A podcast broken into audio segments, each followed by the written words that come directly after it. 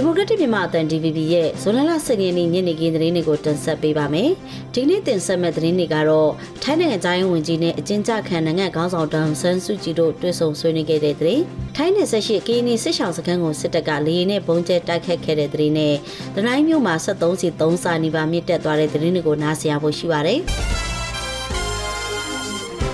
ထိုင်းနိုင်ငံသားဝန်ကြီးနိုင်ဒွန်းပြမတ်ဝင်နိုင်ဟာနေပြည်တော်မှာအကျဉ်းချခံနေရတဲ့နိုင်ငံတော်အတိုင်ပင်ခံပုဂ္ဂိုလ်တော်ဆန်းစုကြည်နဲ့မကြာသေးခင်ကတွေ့ဆုံခဲ့တဲ့အကြောင်းအာဆီယံနိုင်ငံသားဝန်ကြီးတွေကိုပြောကြားခဲ့တယ်လို့အာဆီယံတန်တမန်သတင်းရင်းမြစ်ကိုကိုးကားပြီးကြိုတိုသတင်းမှာဖော်ပြပါဗျ။ဒေါ်ဆန်းစုကြည်ရဲ့ကျန်းမာရေးကောင်းမွန်ပြီးကောင်းမွန်တဲ့တွေ့ဆုံမှုတစ်ခုဖြစ်ခဲ့တယ်လို့ထိုင်းနိုင်ငံသားဝန်ကြီးကအာဆီယံနိုင်ငံသားဝန်ကြီးများအစည်းအဝေးရဲ့အပြင်ဘက်မှာသတင်းထောက်တွေကိုပြောဆိုပါတယ်။မြန်မာနိုင်ငံမှာအချက်တဲတွေအဆုံးသတ်ဖို့အသိပြန်တဲ့ဆွေးနွေးမှုတွေလုပ်ဖို့ဒေါ်ဆန်းစုကြည်ကအားပေးတယ်လို့ပြောကြားခဲ့တဲ့အကြောင်းထိုင်းနိုင်ငံသားဝန်ကြီးကဆိုပါတယ်။အင်ဒိုနီးရှားနိုင်ငံဂျာကာတာမြို့မှာကျင်းပတဲ့အာဆီယံနိုင်ငံသားဝန်ကြီးများအစည်းအဝေးဒုတိယနေ့မှာထိုင်းနိုင်ငံသားဝန်ကြီးအနေနဲ့ဒေါ်ဆန်းစုကြည်ထံကပါလိုက်တဲ့သတင်းစကားကိုဖတ်ကြားဖို့ရှိတယ်လို့လည်းသတင်းရင်းမြစ်ကပြောပါတယ်။ထိုင်းနိုင်ငံသားဝန်ကြီးနဲ့ဒေါ်ဆန်းစုကြည်တို့ဟာပြီးခဲ့တဲ့ဇွန်လ9ရက်နေ့ကတွေ့ဆုံခဲ့တာဖြစ်ပြီးဒီတွေ့ဆုံမှုဟာစစ်တပ်အာဏာသိမ်းပြီးတဲ့နောက်မြန်မာဒီမိုကရေစီခေါင်းဆောင်တဲ့နိုင်ငံကြားအစိုးရအစစ်မြစ်တာဝန်ရှိသူတို့အကြားပထမဆုံးတွေ့ဆုံမှုဖြစ်ပါတယ်။ ဒီသတင်းနဲ့ပတ်သက်လို့မြန်မာအာဏာသိမ်းစစ်ကောင်စီဘက်ကရော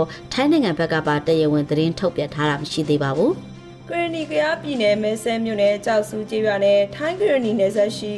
ဒေါနဂူစစ်ရှောင်းစခန်းကိုစစ်ကောင်စီတပ်ကလေကြောင်းကနေတိုက်ခတ်ခဲ့တဲ့အတွက်ကလေးငယ်တယောက်ပါဝင်နှစ်ယောက်သေဆုံးပြီးနှစ်ယောက်ထိခိုက်ဒဏ်ရာရရှိခဲ့တယ်လို့ကျောင်းစေယုံဘာသာရေးအဆောက်အဦနဲ့နေအိမ်များပြထိခိုက်ပျက်စီးသွားပါတယ်။လူဦးရေ9000လောက်ရှိတဲ့ဒေါနကူစစ်ဆောင်စခန်းကို မနေ့ညတကောင်ကျော်ဇူလိုင်လ12ရက်ဒီမနက်အစောပိုင်းတနာရီလောက်ကစပြီးစစ်ကောင်စီတပ်ကနေလေရင်နဲ့ဘုံငါးလုံးလာရောက်ကျဲသွားခဲ့တာဖြစ်ပြီးလူတွေထိခိုက်သေးဆုံးခဲ့သလိုစာတင်ကျောင်းအဆောက်အဦနဲ့စေပေကပျက်စီးသွားခဲ့တယ်လို့ KNPP အခရခူးရက DPP ကိုပြောပါတယ်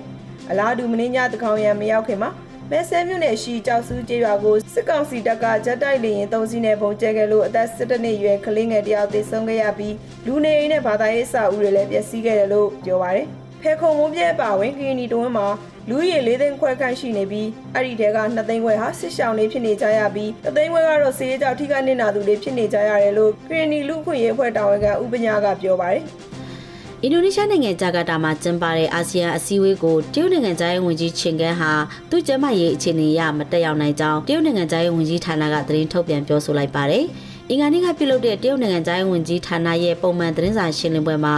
ဝန်ကြီးဌာနပြောရေးဆိုခွင့်ရှိသူကပြောဆိုလိုက်တာဖြစ်ပြီးအသေးစိတ်ကိုတော့ထုတ်ပြန်ပြောဆိုတာမရှိပါဘူး။ဇွန်လလ23ရက်နေ့နဲ့14ရက်နေ့နေ့ရက်ကြာကျင်းပမဲ့ဒီအစည်းအဝေးကိုတရုတ်နိုင်ငံသားဝန်ကြီးမတက်ရောက်ပေမဲ့သူ့နေရာမှာတရုတ်နိုင်ငံသားဝန်ကြီးဟောင်းလွဲဖြစ်တရုတ်ကွန်မြူနစ်ပါတီဗဟိုနိုင်ငံသားရေးကော်မရှင်ရဲ့လက်ရှိအကြီးအကဲလည်းဖြစ်တဲ့ဝန်ကြီးကတက်ရောက်မယ်လို့ပြောပါရယ်။မနေ့ကကျင်းပတဲ့အရှိတောင်ရှာနိုင်ငံများအသင်းအာဆီယံရဲ့နိုင်ငံသားဝန်ကြီးများအစည်းအဝေးမှာတော့မြန်မာနိုင်ငံကစစ်ကောင်စီခန့်နိုင်ငံသားဝန်ကြီးက NUG နိုင်ငံသားဝန်ကြီးပါတက်ရောက်ခွင့်မရခဲ့ပါဘူး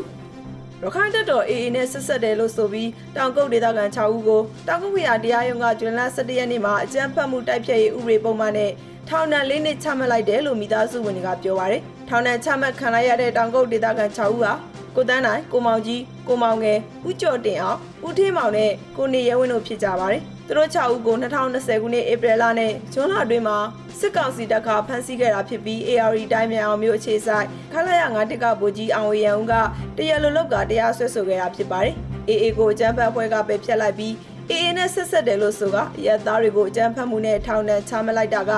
တရားမျှတမှုမရှိဘူးလို့လူခွင့်ရေးလှုပ်ရှားသူတို့ကပြောပါတယ်။အခိုင်မာအေးအေးနဲ့ဆက်ဆက်တယ်ဆိုပြီးရသား200ကျော်ကိုအကြမ်းဖက်တိုက်ဖျက်ရေးဥပဒေပုံမှားတွေနဲ့စစ်တပ်ကတရားစွဲဆိုခဲ့ပြီးလက်ရှိချိန်ထိထောင်ဒဏ်ချမှတ်ခံရသူ20ကျော်ထိကြန့်ရှိနေသေးတယ်လို့သိရပါတယ်။